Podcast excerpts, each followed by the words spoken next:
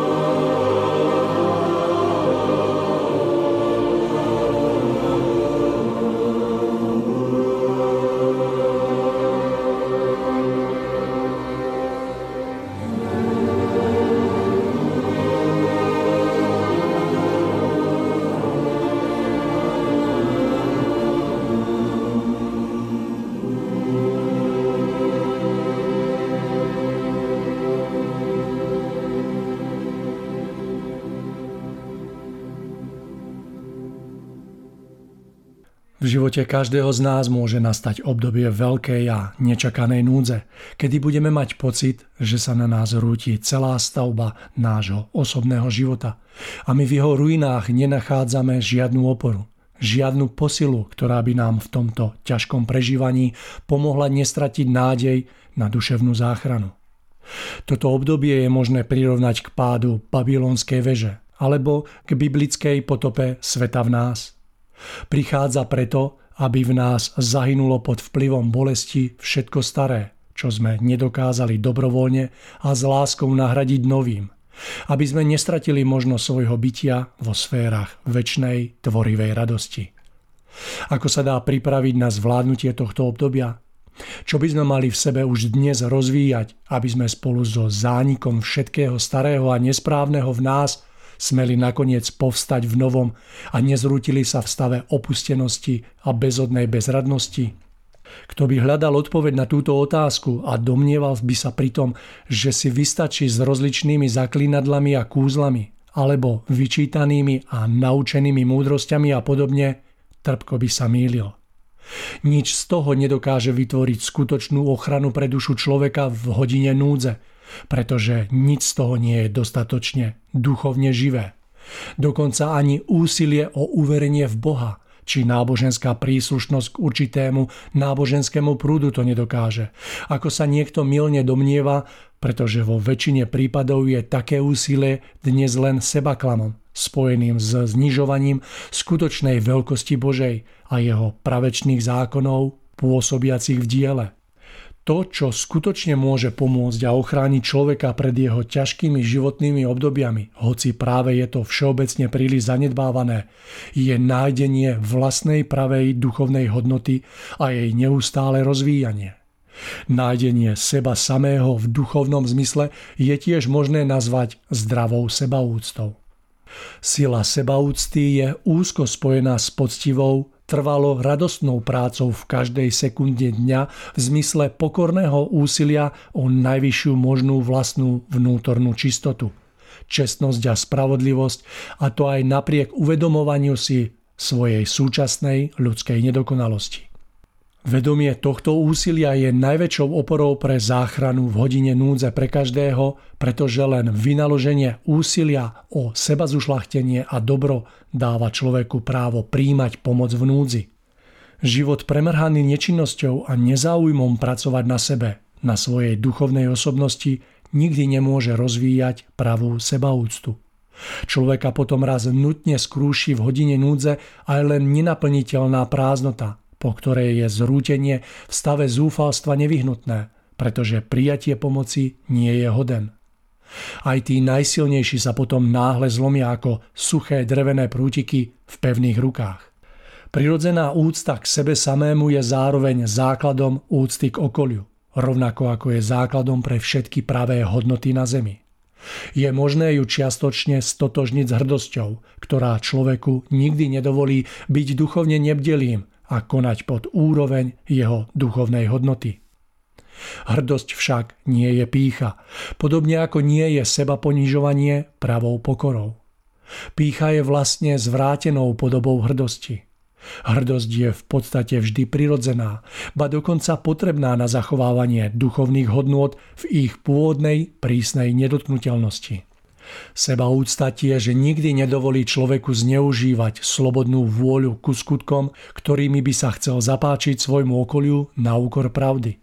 V tom spočíva silná a prirodzená ochrana pred nevernosťou svetlu. Kto sa snaží zapáčiť predovšetkým okoliu bez ohľadu na vyššie hodnoty, buduje vratkú stavbu na hlinených nohách, ktorá sa zrúti najneskôr v okamihu straty náklonnosti okolia – taký človek potom náhle stráca dôvod namáhať sa ešte v nejakom smere a oprávnene trpí pocitom frustrácie a zbytočnosti. Nájdenie a rozvíjanie pravej sebaúcty je aj v tomto prípade jediným účinným liekom. Liekom, ktorý si nie je možné kúpiť, ale ktorý je nutné získať trvalým zachvievaním v prúdoch duchovnej sily. Na záver si to preto pripomeňme. Keď človeka skrúši ťažké prežívanie a všetko sa mu začne rúcať pred očami, môže mu zostať spolu s dôverou v Božiu pomoc, s dôverou v jeho múdre vedenie prostredníctvom trvale pracujúcich, nezmeniteľných zákonov ešte len jediné – sebaúcta. Šťastný bude každý, kto ju nevymenil za pozemské pôžitky rôzneho druhu, pretože len taký nájde oporu a pomoc – ktorá ho môže zachrániť pred najhorším. Nádherný večer všetkým vám, milí poslucháči. Začína sa 60. vydanie relácie Ešte sa to dá zachrániť a ja vás v jej úvode srdečne vítam. Dnes sa budem spolu s Tomášom rozprávať na tému bremeno úspechu a pozrieme sa tak po našich skúsenostiach na úspech a jeho úskalia. Mário Kováčik je moje meno a od mikrofónu sa vám budem prihovárať aj dnes. Tomáš, želám vám krásny podvečer, vitajte. Ďakujem veľmi pekne, ďakujem aj vám a teším sa z toho, že máme opäť spoločnú chvíľu spoločnej relácie a z toho, že máme jar nie že pred dvermi, ale už vo dverách, že prichádza tá prenádherná, krásna energia rozkvetu a rozpuku v prírode a že nás táto atmosféra bude vnútorne podopierať, inšpirovať a pomáhať nám využiť tie krásne mesiace tohto roka, ktoré sú pred nami. Tomáš, veľmi sa teším, že sa opäť smieme takto stretnúť, aj keď je len na diálku a náhrať niečo hodnotné. A rovnako sa teším aj z tých jarných dní, pretože uh, poviem za seba,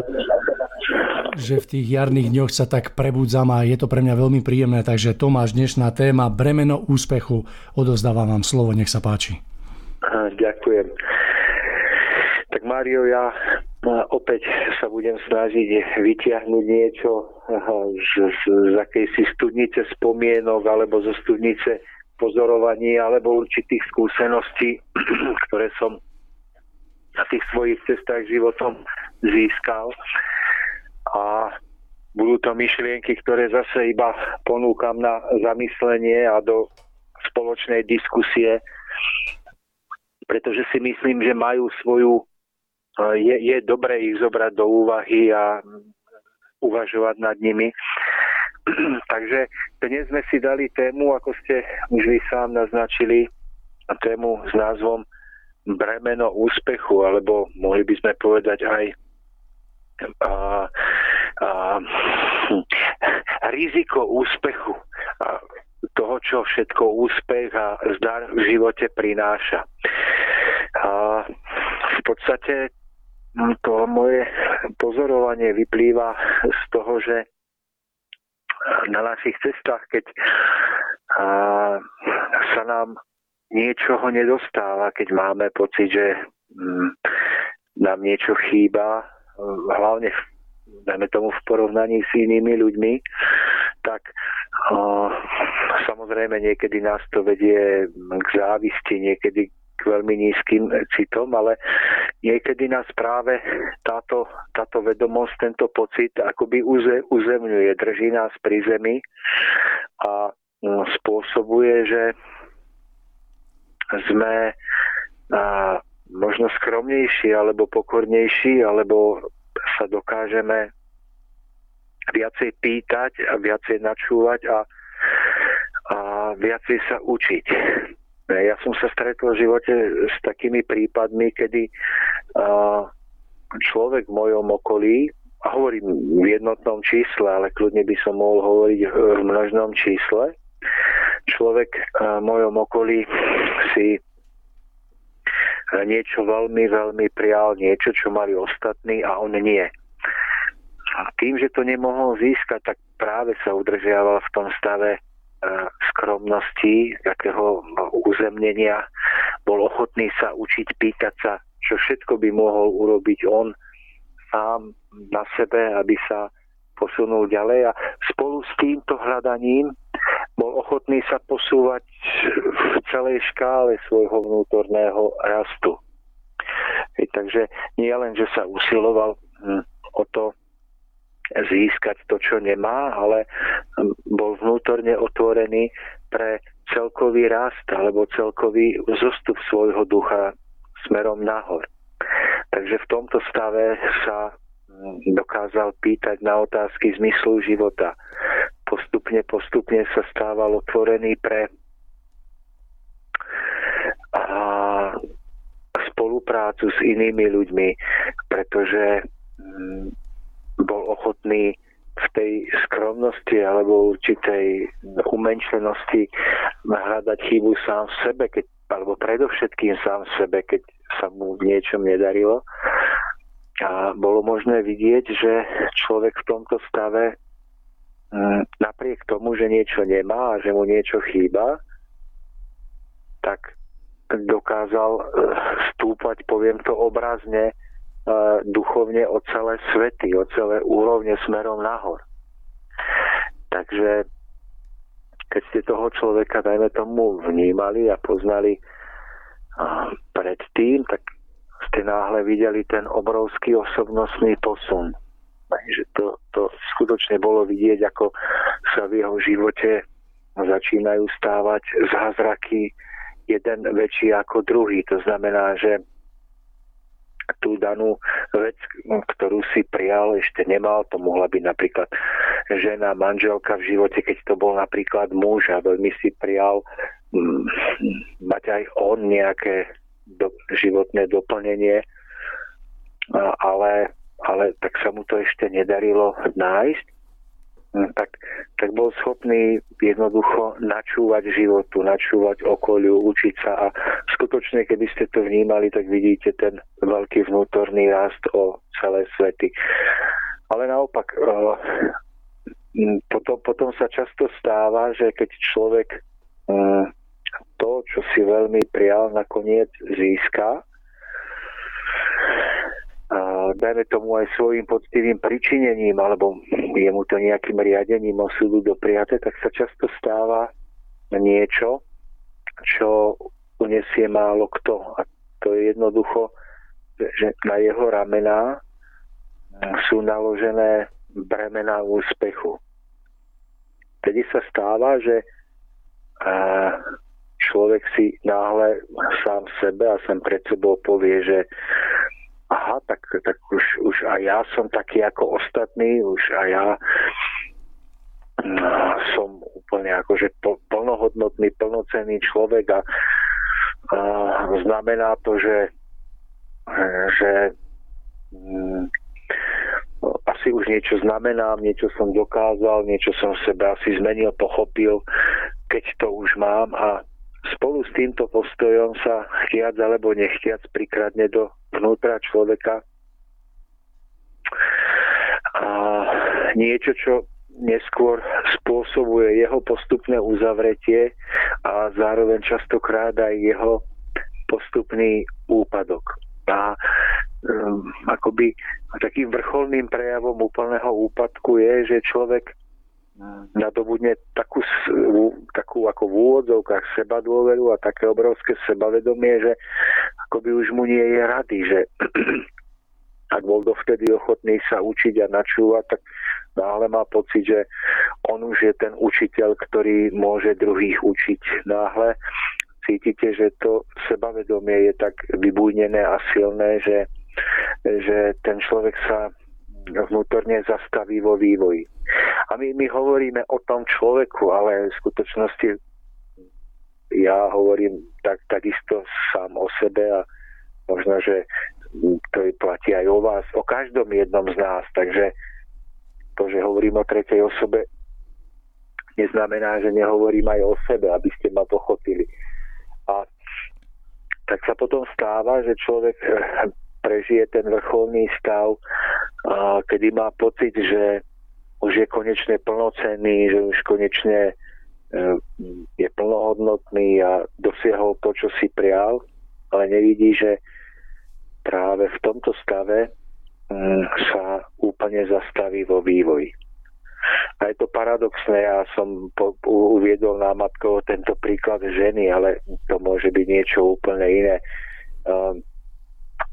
niekto si môže prijať, ja neviem, peniaze, niekto si môže prijať dieťa, niekto si môže prijať niečo, čo nemá. A kým to nemá, tak tak obdivne pozerá na druhých mm, a pýta sa, že čo všetko by mohol spraviť, čo všetko by mohol vylepšiť. Ale ako náhle to získa, tak na všetko je schopný zabudnúť a nastáva ten moment, že akoby nedokáže uniesť bremeno úspechu, alebo povedzme to našou rečou br- uh, uh, váhu toho požehnania. A tak sa stáva, že my ľudia, preto to aj dnes vravíme, si veľmi prajeme vo svojom živote, aby sme mali niečo, čo nemáme, veľmi si to prajeme. A a, ale v skutočnosti to, nám to nie je ešte dopriaté, alebo nám to od života nepríde, pretože by bolo videné, že by sme to neuniesli, že síce by sme to získali, ale strátili by sme to najcenejšie a to je práve uh, tá, tá vnútorná otvorenosť vnútorná pokora, ktorú v sebe rozvíjame častokrát práve vtedy, keď, keď e, nám niečo chýba, alebo častokrát vtedy, keď trpíme. Takže, no, takže tým ale nechcem povedať to, že a, zmyslom života je, e, je stále zostávať v tom stave, že mm, budeme trpieť, alebo nám niečo bude chýbať, alebo nám niečo nebude dopriaté. A chcem tým poukázať na to, že, že by sme si mali dobre zvážiť, či to, čo si prajeme, alebo to, čo by nám mohlo byť od života darované, dokážeme vyvážiť uh, svojou vnútornou silou a zrelosťou a poctivosťou. Pretože ak nie,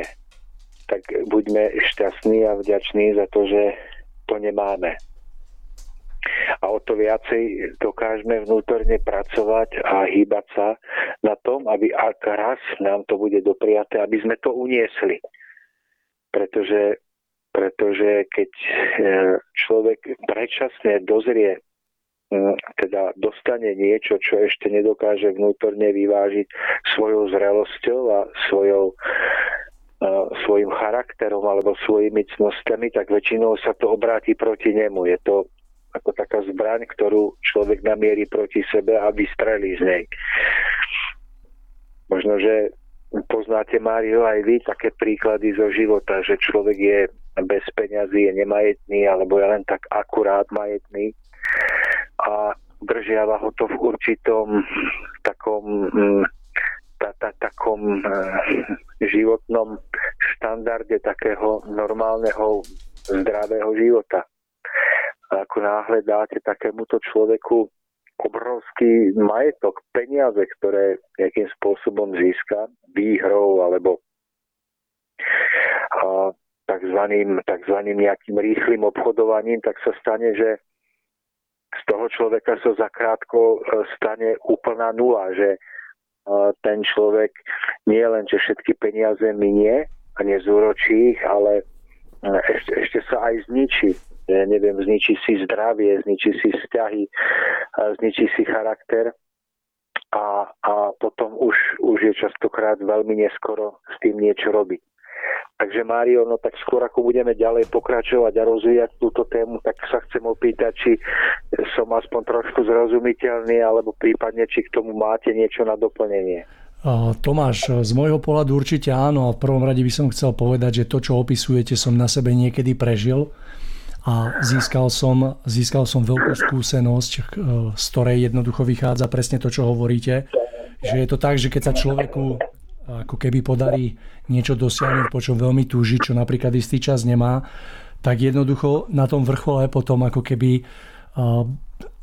naberie také nezdravé sebavedomie, ktoré v konečnom dôsledku spôsobuje pád človeka a prežil som si to na sebe.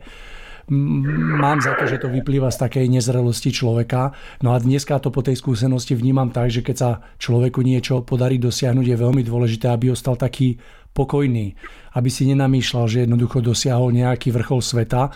a v tejto pokore jednoducho to potom dokáže všetko uniesť. A vo svojom okolí mám veľa príkladov toho, keď sa ľuďom podarilo dosiahnuť veľmi veľa a bol som svetkom toho ich pádu, ale na druhej strane mám okolo seba aj ľudí, ktorí sa, ktorým sa to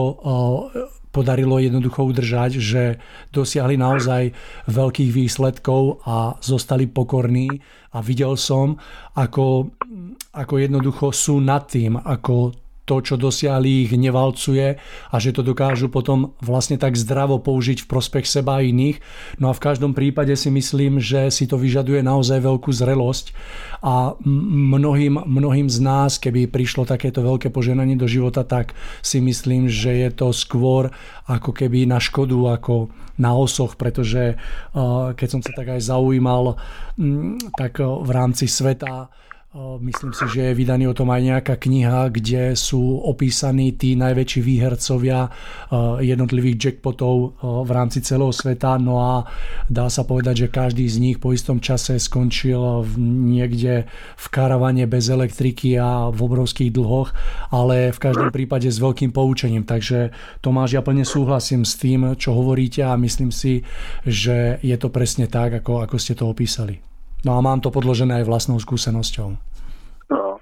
áno Mario, pretože je to veľmi zaujímavé, že my ľudia z nášho uhla pohľadu pozeráme na svet, na život okolo nás tak, že ten najväčší nepriateľ, e, proti ktorému sa musíme vzoprieť a proti ktorému musíme stále bojovať, je vonkajší svet. Že sú to ľudia, ktorých hodnotíme ako Mm, nespravodlivých e, ľudí, ktorí, ľudia, ktorí sú príčinou nášho nešťastia, lenže mm, v skutočnosti je, je, je, to, je to aj tak, že tým najväčším našim mm, nepriateľom je naša vlastná nezrelosť, alebo ako ste to vypovedali, mm, myslím, že ste povedali pojem, mm, že, že človeku tak narastie sebavedomie, že to neunesie. Čiže, čiže je to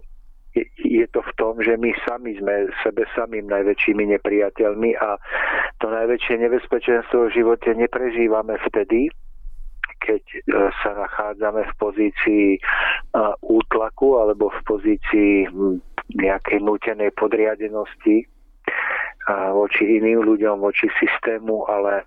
vtedy, keď e, akoby zažívame obdobie slobody.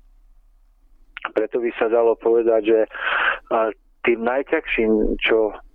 by sme sa mali v živote naučiť uniesť čo sa musíme naučiť raz uniesť, nie je ťarcha utrpenia, ťarcha útlaku, ale tým najťažším je uniesť ako keby bremeno slobody, pretože s tou slobodou je spojená obrovská osobná zodpovednosť a, a seba kázeň, ktorá a pokora, ktoré keď nám chýbajú, tak, tak vtedy zistíme, že, že nikto nás akoby nezničí viac, než e, my, my, my sami seba. A z tohoto hľadiska by som, by som chcel povedať, že my, my si všetci veľmi prajeme slobodu, ale prajeme si ju na rovine osobného života, celospoločenského zriadenia, ale my vôbec nepoznáme samých seba a vôbec nevieme, čo by sa stalo, keby sme túto slobodu získali. A preto si myslím, že ju ani nemáme, lebo keby sme ju získali, tak, tak, eh, tak eh, tak jednoducho sa, tak, tak sa zničíme tak rýchlo, že, že by sme z toho boli úplne prekvapení. Ale tá, tá skutočná cesta k slobode vonkajšej a k tomu, aby sme uniesli to, to, to bremeno mm, slobody a všetkých možností, ktoré sloboda prináša, tak, tak to, aby sme to dokázali, je kráčať životom práve krok za krokom bez veľkých skokov. A všetko, čo na tej ceste životom budeme smieť postupne získavať a príjmať, musí byť vydobité našou námahou a poctivou prácou a nesmie nám to byť a musí to byť vyvážené našimi duchovnými schopnosťami a cnosťami a nesmie nám to byť akoby dohodené zvonku. Pretože, pretože práve v tom lacnom a rýchlom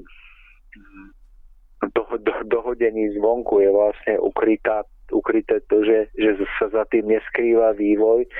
a duchovná zrelosť každého jedného z nás.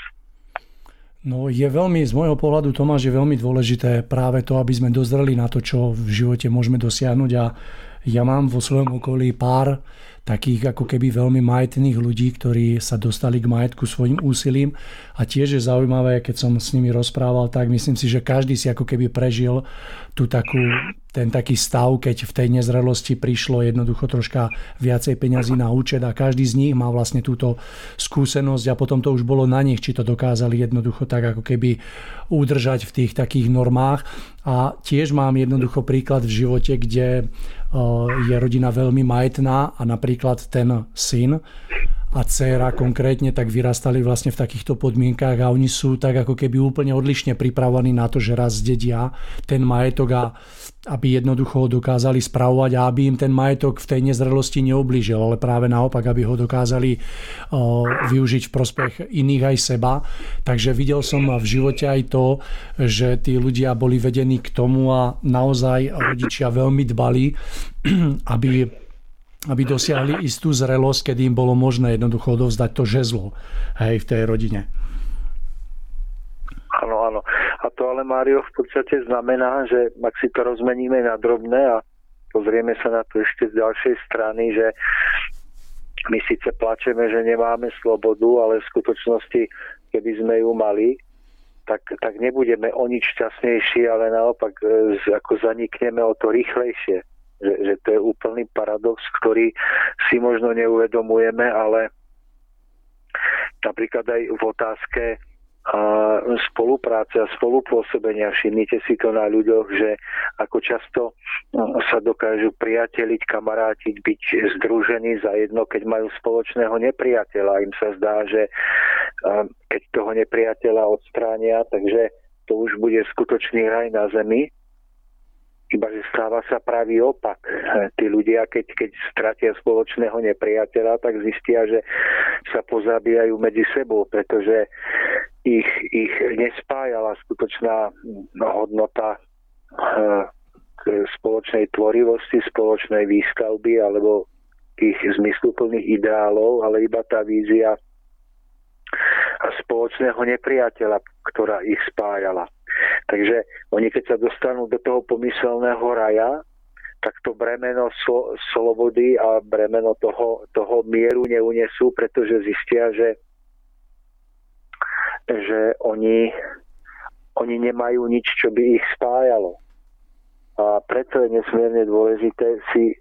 si to uvedomiť aj v tom našom malom každodennom živote, a že že ten stav, v ktorom sa nachádzame, mm, keď sa nám zdá, že vonkajšie podmienky hrajú proti nám, je častokrát iba, iba odrazom tej našej vlastnej vnútornej slabosti alebo vnútorného stavu, v ktorom sa ešte nachádzame. No v mnohých prípadoch, keď sa tak rozhľadnem okolo seba, to máš aj v rámci tej práce, tak to vnímam tak, že isté veci postrádame práve preto, pretože e, si ich ako keby nezaslúžime a nie sme na ne pripravení, že keď napríklad vidím v rámci práce veľmi veľa rodín, ktoré popíjajú a e, vnímam to tak, že je šťastie, že majú poviem príklad len nejaký nízky príjem, pretože si myslím, že keby prišli k nejakým väčším peniazom, tak v tej takej nedisciplíne a nezrelosti, v ktorej sa nachádzajú, tak jednoducho im to veľmi uškodí, hej, že sa upijú k smrti tí ľudia. Takže z istého pohľadu to vnímam tak, že je to dobré, že to nemajú, že v tom je taká ochrana, aj keď to tí ľudia nevnímajú ako keby pozitívne, vnímajú to skôr negatívne, že postrádajú, nemajú a chceli by, ale ja som si plne vedomý toho, že jednoducho to v živote je dobré, že to nemajú, pretože keby to do ich života prišlo v takom väčšom objeme, tak naozaj im to dokáže veľmi uškodiť a malo by to veľké následky pre nich aj pre ich ako vývoj v rámci duchovného stavu. Preto je tá jediná cesta k tomu, ako uniesť bremeno úspechu práca na sebe samo. To je tá jediná zmysluplná vec, ktorú môžeme spraviť, že netrápiť sa o to, prečo to ešte nemám, netrápiť sa o to, kedy to príde a prečo to majú druhý, ale trápiť sa tou jednou jedinou otázkou, na ktorej to všetko stojí a pada. Uniesol by som to? A som schopný to uniesť? Mám natoľko rozvinuté cnosti a schopnosti svojho sebaovládania a seba disciplíny, aby som to v skutočnosti dokázal uniesť. Pretože, a to sme už niekedy dávnejšie vravievali, že my sa stiažujeme na to, že nemáme dostatok, dostatok peňazí, ale otázka znie, ako sme ich použili, keď sme ich mali. Stiažujeme sa, použili sme ich na to, aby tvorili, aby ďalej rástli a, a rozvíjali buď naše schopnosti, alebo e, náš duchovný rozvoj, alebo pomáhali iným, alebo sme ich nejako vyplýtvali tak, že v skutočnosti sa, sa spolu podielali na našom úpadku. Alebo čas, všimnite si, Mário, to je, toto bremeno úspechu je podobné ako to bremeno voľného času. To je krásny že, príklad. Že, že tu my zvykneme vravieť, že my na nič nemáme čas, že stále nás niekto do niečoho núti, tlačí, že, že, že by sme aj radi, ale až potom, keď lenže Lenže otázka znie inak, že keď sme ten čas náhodou mali, a keď len na chvíľku, že, že ako sme s ním naložili, čo sme s ním spravili, čo, čo sme za ten čas vytvorili, a, čo sme ukázali sami pred sebou alebo životu a druhým ľuďom v našom okolí, že ako sme s tým časom naložili. Lebo, lebo my, my keď nemáme čas, tak vravíme, že keď ho budeme mať, tak, tak to bude nádhera, tak to bude šťastie a, a keď ho máme, tak vždy ukážeme, že, že ho premárnime. Takže potom ho nemáme a preto potom vždy nám niekto iný musí organizovať čas a musí nám zasahovať do života a nútiť nás do niečoho, pretože ten problém nie je v tom človeku, ktorý nás do niečoho tlačí. Ten problém je v nás, že my, kým neovládneme hmm, ten, ten priestor, ktorý nám bol daný pre život, tak sa vždy staviame do pozície, že nám ten život bude musieť organizovať niekto druhý. Presne je to tak, všetko si to treba zaslúžiť a hlavne slobodu a ja to vnímam, Tomáš, v tom, v tom stave, že naozaj veci nemáme len preto, lebo sme nie na ne pripravení a aj, keď, aj keď veľa ľudí alebo sa domnievame, že to tak nemusí byť, ale ja vidím, že tá podstata veci tkvie práve v tom a ako ste práve teraz odkryli, že s tým príkladom, že keď je naozaj človeku daný nejaký ten čas a priestor, tak otázne je, ako ho dokáže využiť, či v prospech jednoducho len seba alebo toho celku. No a to svojho určitého rastu, pretože ja, mne, ja, to, ja to vnímam osobne tak a možno sa mýlim, ale ja to vnímam tak, že to veľké riadenie osudu, ten, uh, ten, uh, ten, ten, ten, ako to mám povedať, um, čo nad, ten, kto nad nami stojí, že on akoby mm, vidí, ako nakladáme s hodnotami v maličkostiach a podľa toho, ako s nimi nakladáme v maličkostiach, tak nám je potom dopriaté e, riadením osudu, zdanlivo niekedy náhodným, ale vždy presne a prísne riadeným, že nám je potom podľa toho určené spravovať a riadiť veľké veci. Lenže my chceme spravovať veľké veci, chceli by sme byť pánmi osudu a riadiť beh veľkých vecí, ale my každodenne ukazujeme v maličkostiach, že by sme v tých veľkých veciach určite neobstáli, pretože práve maličkosti nám unikajú pomedzi prsty a my, my, my, my keď v maličkostiach nedokážeme byť uh, poctiví, verní a nedokážeme v maličkostiach ukázať, že si vážime čas, že si vážime hodnotu dajme tomu každej no, sekundy alebo každej minúty života, tak uh, potom, potom nezostáva nič iné, len to, že budeme otročiť u nejakého proste zahraničného podnikateľa, ktorý nám presne povie, kedy prídeme do práce, kedy sa pôjdeme vycikať a kedy pôjdeme z práce domov. Ale opäť tá, tá odpoveď, o ktorú sa snažíme v našej relácii je v tom, že, že my sa teraz nestarajme o to, ako predlžiť deň. My sa nemusíme starať o to, a ako vymeniť zamestnávateľa za nejakého, ktorý nám dopraje viacej slobôd osobných a viacej času. Že my to musíme celé otočiť v hlave a sami sebe a pochopiť, že, že tá cesta vedie cez nás samotných, cez to, že v maličkostiach nášho úplne bežného každodenného života si začneme hodnotiť a vážiť každú jednu minútu alebo sekundu života viac než doteraz. A v tom, v tom jednoducho dokážeme pritiahnuť vlákna osudu a všetkých tých neviditeľných a nakoniec aj viditeľných pomocníkov, ktorí sú spojení s, akoby s našim osudom, s našim životom a vďaka ním sa náhle stane, že všetko sa nám akoby nakloní na našu stranu, že sa nám začne dariť tam, kde sa nám nedarí, že to môžu byť také zdanlivo náhodné situácie, že náhle vás niekto v práci povýšie alebo sa vám podarí nájsť inú prácu, ktorá bude sa viacej približovať tej ľudskej dôstojnosti.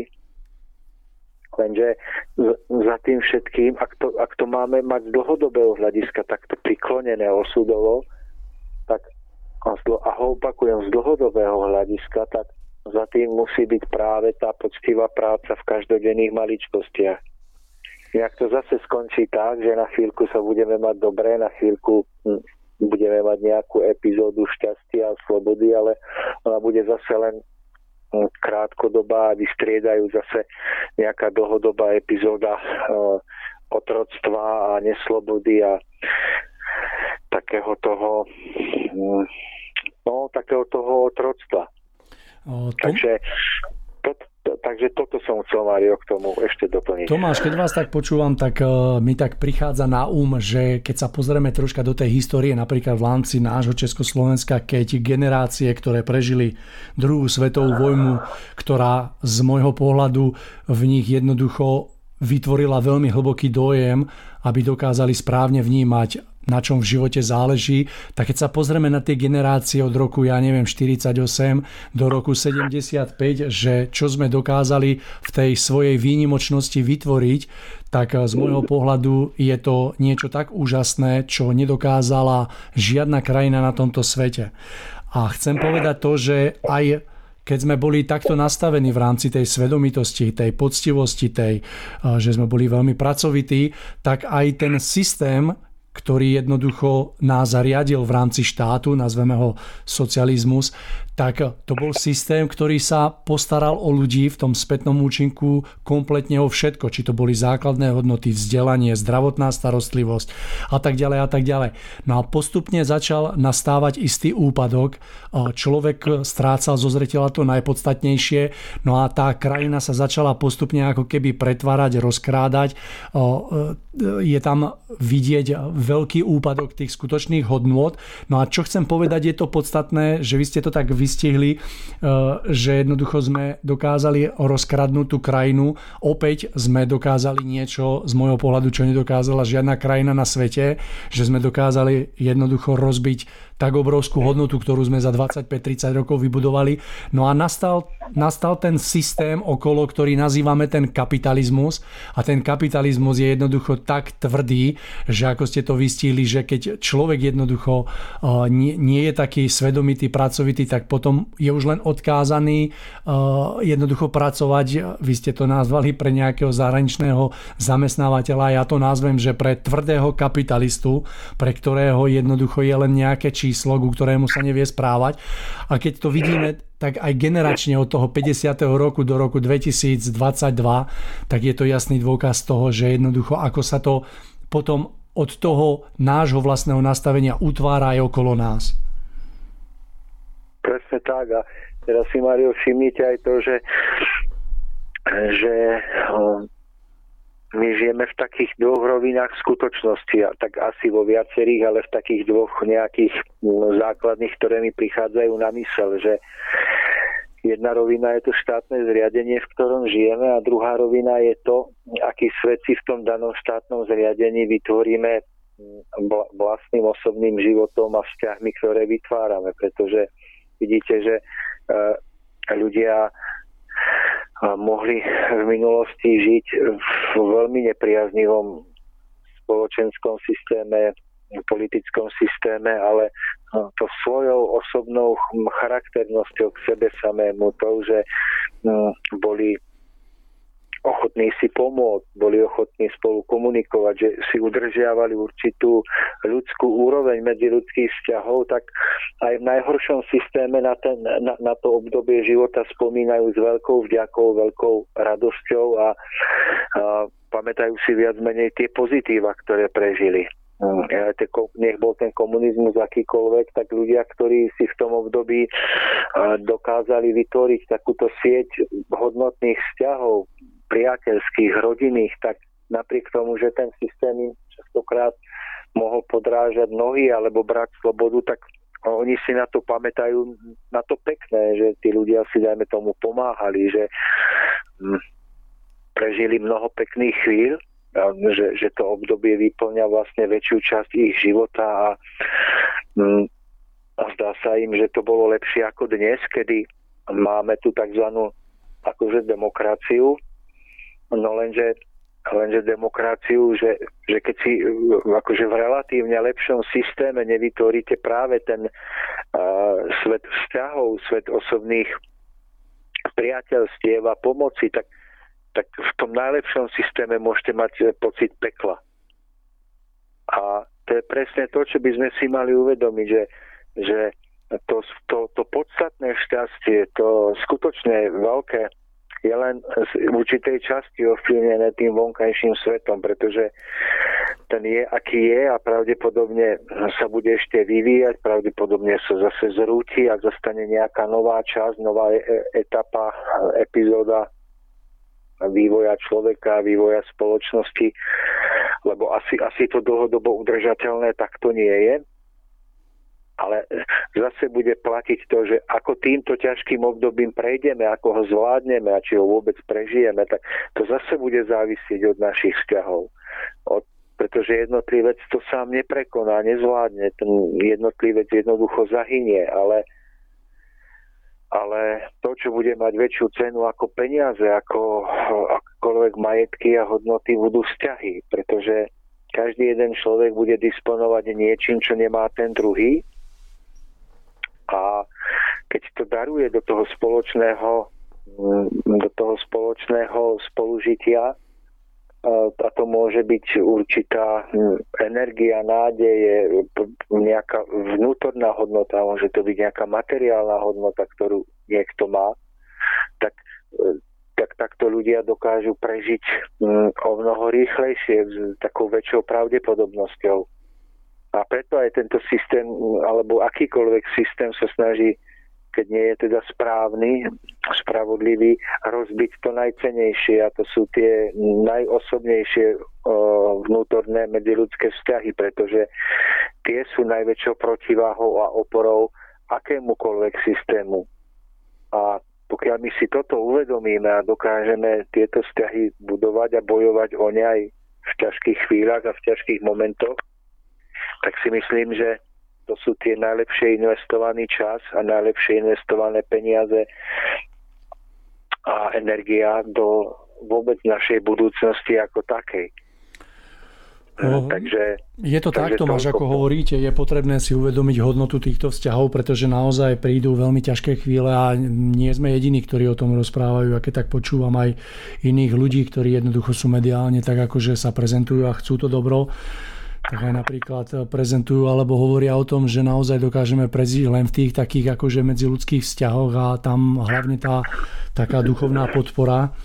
a mm, toto si treba uvedomiť, aby sme si to nenehali vziať, ale na druhej strane poviem, že tomuto systému sa to tak ako darí, že keď to smiem porovnať um, nejaký taký uh, život na dedinách, kedy si to bolo o takej naozaj súdržnosti, radosti, takej vzájomnosti a dneska je to také, že prejdete dedinou a nevidíte tam pomaly človeka. A keď si predstavím, ako to kedysi tak krásne žilo, vedeli sa tie ľudia stretnúť, lyžovalo sa, hralo sa, vedeli sa aj pozabávať, no a dneska je to naozaj taký sám, každý sedí doma je veľmi náročné jednoducho toto znova opätovne tak oživovať a ja osobne sa o to snažím a uvedomujem si ten význam a držím to stále tak bez ohľadu na to, aký je ten výsledok a vidím, že to vôbec nie je jednoduché tých ľudí ako keby tak troška prebudiť a to je jedno, či už je to nejaké podujatie v rámci nejaké, nejaké udalosti, tak Aha. môžem povedať, že naozaj je to veľmi náročné opäť toto v ľuďoch prebudiť, aby si to uvedomili, ako je to dôležité. No, tak Mario, takže ja by som možno ešte tak na záver, keď sme už teda vraveli o tom bremene slobody a bremene úspechu, ešte, ešte napríklad povedal, že existuje niečo ako také uh, úskalie Mm, také mm, ako uniesť bremeno uznania alebo bremeno popularity, bremeno, keď, keď e, sa vám náhle začne v niečom dariť, že to je jedno, ja sa venujem napríklad teraz hre, skladám si piesne, niekto môže robiť akúkoľvek inú činnosť a pokiaľ sa vám v nej nedarí alebo nie ste ešte známi, tak je, je to akože dosť jednoduché a ľahké, ale ako náhle sa vám začne dariť a vystrelíte niekde nahor a, a náhle cítite, že mm, cítite tú obrovskú energiu a priazeň od okolia, tak to je tiež niečo, čo mm, je, je, je spojené s našou témou, ako uniesť to bremeno úspechu, pretože uh, vidíte to sám vidíte to aj na uh, hudobníkoch, športovcoch, ktorí z, akoby zo dňa na deň sa stanú superhviezdami alebo superstar, že z jednoducho z tých jednoduchých, príjemných, skromných ľudí sa náhle stanú ľudia, ktorých nepoznávate na vlastné oči, že a jednoducho to nedokážu uniesť, takže oni by si prijali, aby sa stali superstar a superhviezdou, ale pre nich by bolo najlepšie, keby sa ne, nikdy nestali a vyvíjali sa ďalej v určitom osamotení a v tichu pretože pre ich celú budúcnosť a celých osud by to malo tisícnásobnú hodnotu ako ten krátkodobý pocit úspechu, ktorý nedokážu uniesť a ktorý potom spôsobí celý ich pád. A mm, to sú také, ako vy ste spomínali, tie, tie výherné jackpoty miliónové a ľudí, ktorí skončili v karavánoch bez elektriky, tak takto končia ľudia, ktorí neunesú úspech. Napríklad práve z tých spomínaných súťažiach alebo športe, že zo skromného človeka, kde v tvári vidíte takú prírodzenosť, jednoduchosť, sa vám po niekoľkých týždňoch stane e, proste niekto že, že kto, kto úplne stratí to najcenejšie, že stratí takú svoju prírodzenosť, stratí sám seba, už je iba nejakou figurkou na kamerách, ktorá je závislá od potlesku druhých, alebo nebodaj od peňazí. A preto ja, keď aj vidím tie tzv. súťaže, tak tie superstar, že majú aj iné názvy, že je to na jednej strane pekné, že hm, vytiahnu takýchto nenápadných umelcov a ukážu ich talent, ich schopnosti. Ale mne sa stále zdá, že biznis sa na nich tvrdo baví a v skutočnosti e, to je ako nie, vo väčšine prípadov nie ako že tú, tú hviezdičku vytiahnu na svetlo, ale je to, je to ako, ako keď ju vytiahnu na svetlo a potom ju odstrelia viete, že to je ako poprava talentov verejná, pretože koľko z tých ľudí to dokáže uniesť. Ja verím, že sú tam takí, ktorí to dokážu, ale pre väčšinu z nich to, alebo pre mnohých to určite nie je jednoduché. Takže ja sa preto prihováram za to, aby človek ten svoj talent a dar radšej nerozvíjal extrovertne na vonok a vybavil druhých ľudí a zarábal na tom, aj keď to na vonok vypadá, akože je to niečo krásne. Ale som radšej za to, aby človek ten svoj talent a dar rozvíjal radšej v tichu, ale do o to väčšej hĺbky a daroval ho ako taký taký dar možno svojmu osobnému najúžšiemu okoliu, alebo ho, ho prežíval ako energiu, ktorú pritom sebou necháva prúdiť ako energiu možno vďaky modlitby k Bohu, k stvoriteľovi. Že pokiaľ sa to už tak ako veľmi preklopí extrovertne na vonok, tak úplne sa z toho vytratí E, ten zmysel toho, pre ktorý ten dar bol človeku darovaný, že tým darom mal skutočne prežívať a ak teda hovoríme o hudbe, o speve, tie najkrajšie, naj, najsilnejšie city, pričom popularita ten, ten vonkajší dosah nemal byť tým podstatným, ale to vnútorné tam malo zostať. Ale my sme si všetko nastavili tak, že sa chceme baviť, no tak sa bavíme aj na úkor šťastia druhých častokrát. Tak, tak ja tým nechcem povedať, že človek, ktorý má talent a dar, ho nemá dávať na vonok, alebo ho nemá dávať do, do širokého okolia, ale musíme si uvedomiť, čo je to, keď sa prirodzenou cestou stanete hviezdou, keď sa stanete známym, tak ako to bolo v 60., 70., 80. rokoch minulého storočia, že keď sa niekto stal tou pomyselnou hviezdou, tak častokrát si to musel naozaj odšlapať a oddrieť a musel niečo vedieť. Ale dnes je to tak, že a tým pádom sa mnohí dokázali aj nejak tak akoby vnútorne aspoň trošku zorientovať a ustať to. Ale dnes, keď sa stanete superhviezdou zo dňa na deň, tak, tak potom, potom proste skončíte na drogách a alebo proste s pocitom, že, sa, že, že druhí ľudia to vnímajú tak, že sa s vami už nedá rozprávať, že, Takže, tak, takže Mario, tak eh, snad sme dnes dokázali, aspoň trošku ľuďom ukázali ľuďom, že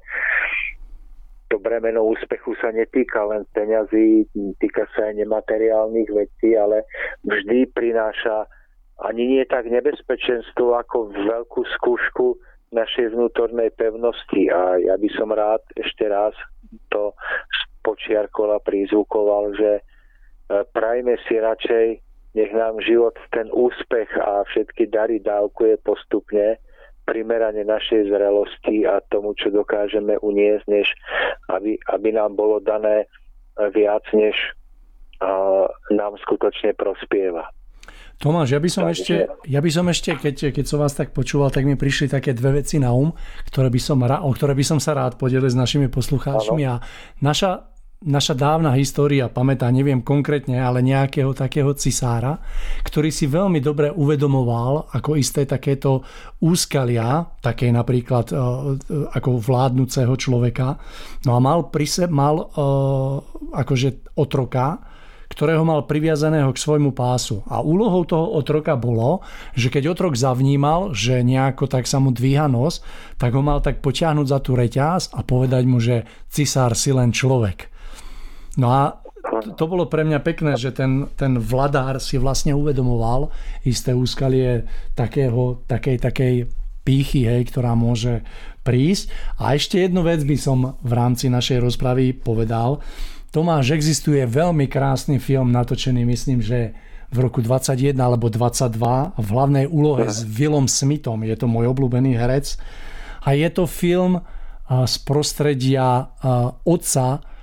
sestier, tenisových sestier Williamsových. A tu je prenádherne ukázané, ako ich on pripravil mentálne na ten veľký úspech, pretože on vedel, že jedna bude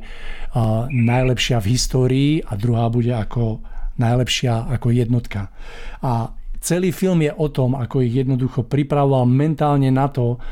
aby to jednoducho celé zvládli, čo v konečnom dôsledku sa mu aj veľmi podarilo a v tom filme je krásne ukázané a boli tam, tam sú prirodzene jednoducho také ako keby naše uh, prejavy nezrelosti a také ako keby, že chcete siahnuť oveľa skore. Prišli tam zmluvy a oni jednoducho boli úplne chudobní, ale mali jednoducho veľkú duchovnú hodnotu. Prišli tam sponzory reklamy, teraz si predstavte, že oni trénovali jednoducho niekde na ulici, keď to tak poviem a zrazu prišiel uh, sponzor, prišli, prišli reklamy, zrazu 3 milióny. Odporúčam pozrieť každému človeku tento film, myslím, že sa to volá Stríček Roger,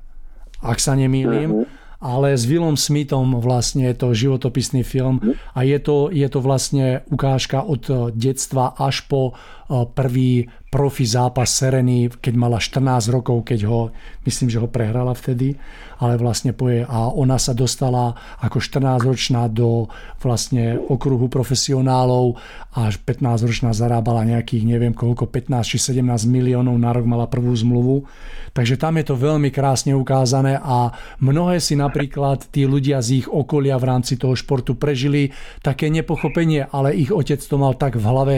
nádherne nastavené, že dokázal zatrhnúť veci, ktorým nikto nerozumel, ktoré sa v konečnom dôsledku ukázali ako tie najpodstatnejšie, ktoré potom umožnili e, to, aby oni ten obrovský úspech proste zvládli. Takže vrelo odporúčam. Tak Mario, to, to ako mi nahrávate uh, spomenúť, že každý úspešný podnikateľ úspešnej firmy, pokiaľ vychováva svoje deti a oni ašpirujú ako na, na nástupníctvo, no tak nemôže urobiť nič lepšie, než to, čo urobil Tomáš Baťa a mnohí iní mudrí ľudia, že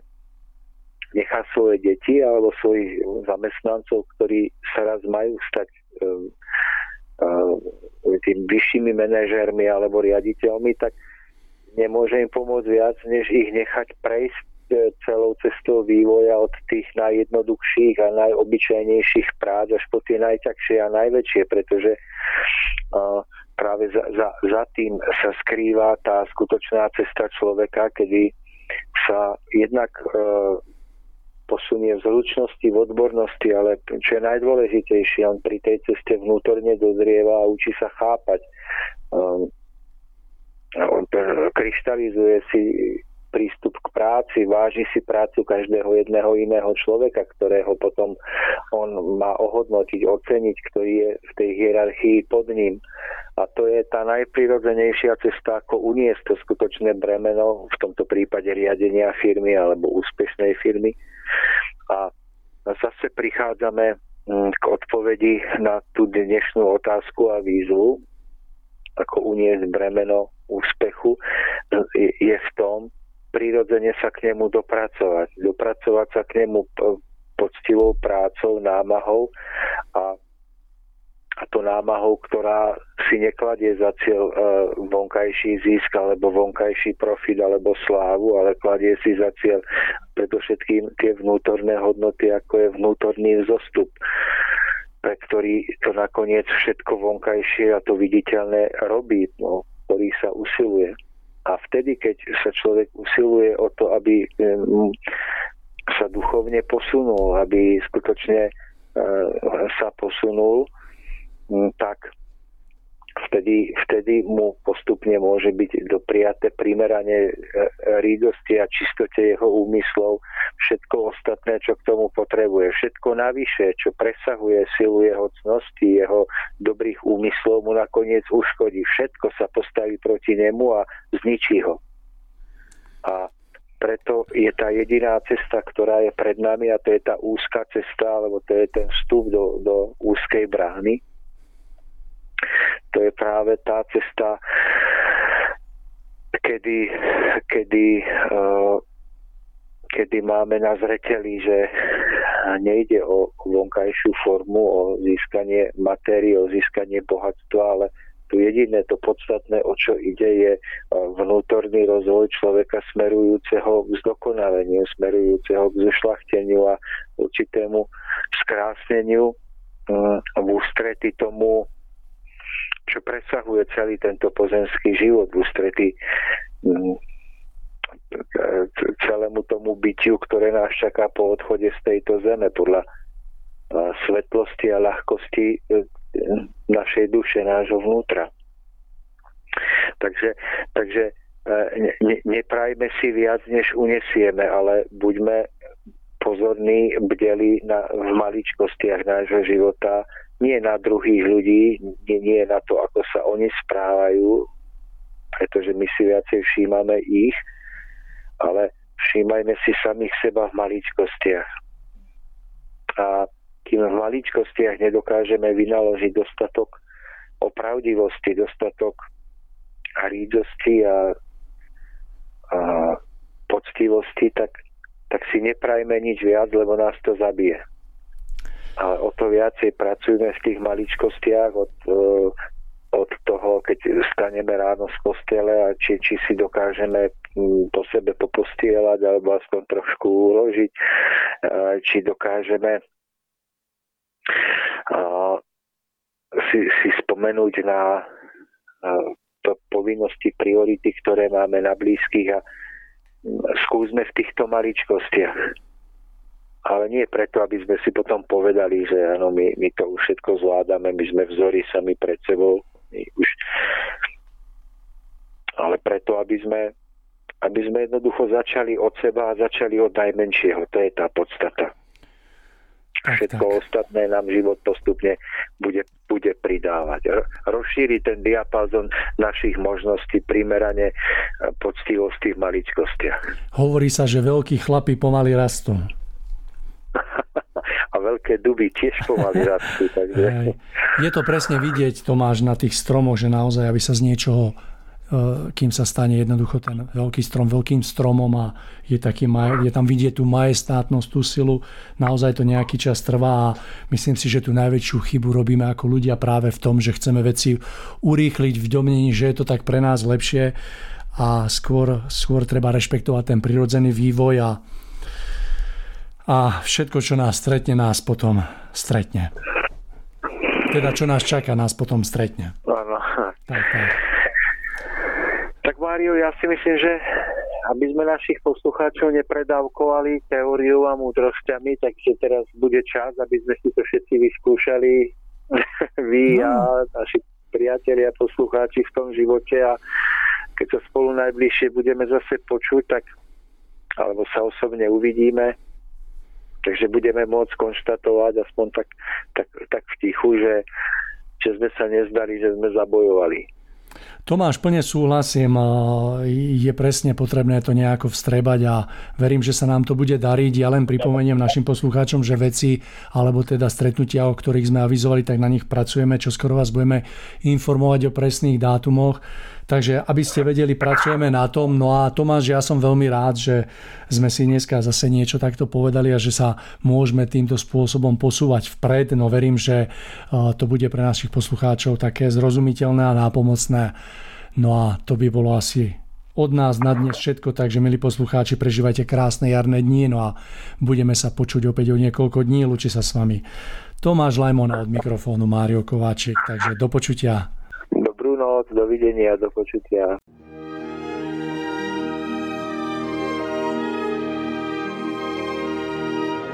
Nalaďte se na dobrou vlnu s rádiem Bohemia.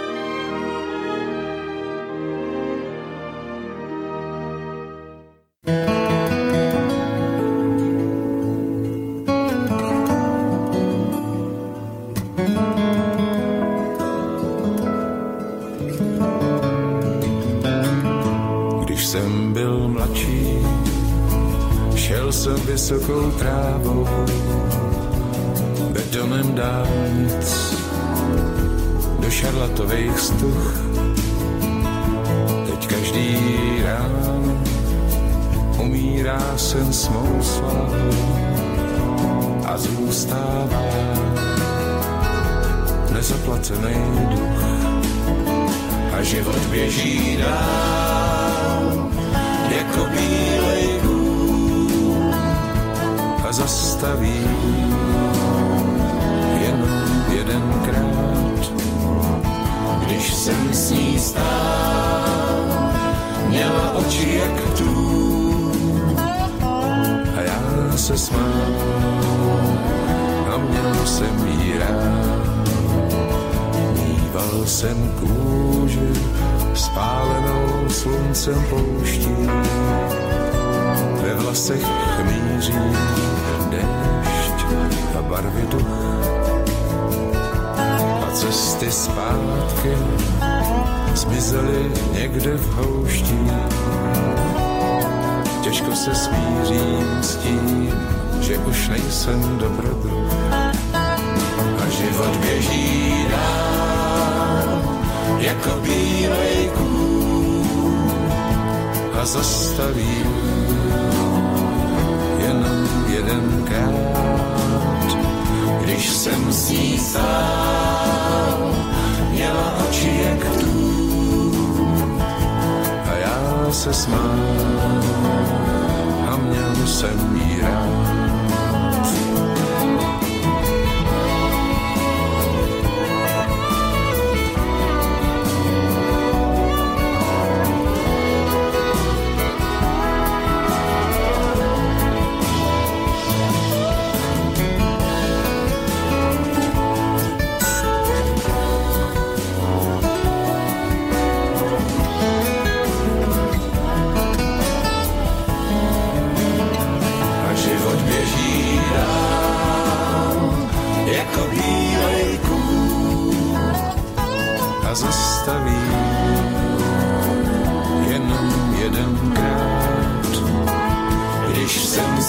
Stál, měla oči jak tu se smál a měl jsem jí rád. A já se smál